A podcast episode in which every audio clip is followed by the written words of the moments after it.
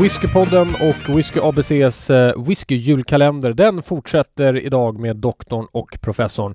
Jag var ganska missnöjd efter igår får jag säga med den här Old Smoky Moonshine som du lyckades lura på mig som överraskning. Jag hoppas att du har någonting bättre med dig idag. Ja, men nu tror jag att det är någonting som kanske är mer i linje med vad du gillar. Det tror du? Mm, ja, det hoppas jag. Det är i alla fall en normal form på flaskan. Igår kom det med någon syltburk ju dragandes med någon genomskinlig vätska. Jag tycker den är fantastisk. Kanske inte i smaken, men burken i alla fall. Äh, burken, okej. Okay. Mm. Nej, jag måste vara ärlig och säga, jag förstår inte ens varför Systembolaget tar in sådana där saker. Men visst, men visst. Är det en julkalender så ska vi ju pröva alla dess möjliga olika sorter. Jaha, räcker du över den där presenten du har då? då? Mm, här har vi den. Ska vi se här.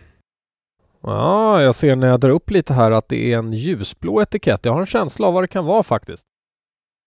Aha, en Finnlägen ja. Vad trevligt. Det är ju rätt trevlig whisky tycker jag, så här spontant innan jag har prövat den. Men ja. jag har ju prövat den förut.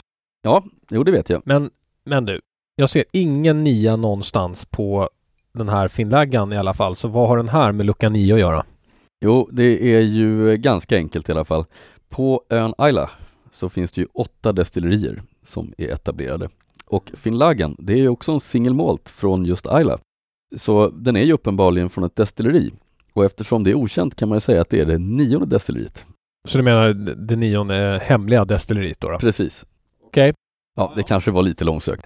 Den är inte riktigt lika långsökt som några av de andra kopplingarna du har gjort. Så jag, jag vet inte, jag tycker du ibland gör ditt bästa bara för att du ska få dricka det du vill. Men visst, lite kul att det står Finnlägen, The Secret Isla. Share the secret, står det på framsidan. ja, det är svårt när man inte ens vet vad det är för secret. Nej, jag, jag tror mer att de menar share the secret som drikten. Jaha, okej. Okay. Ja.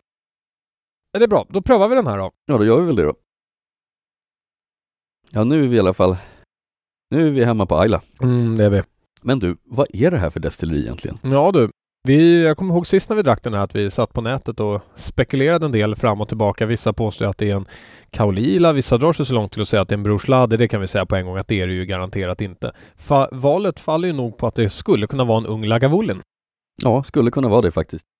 Det är svårt att, att ta den för den är, som, den är ganska tunn faktiskt. Man skulle kunna tycka att en Lagavulin skulle vara lite mer aggressiv om den är ung. Kan man tycka. Och eftersom de har haft sån brist också på whisky så kan man ju spekulera lite i, var det här de förstörda batcharna?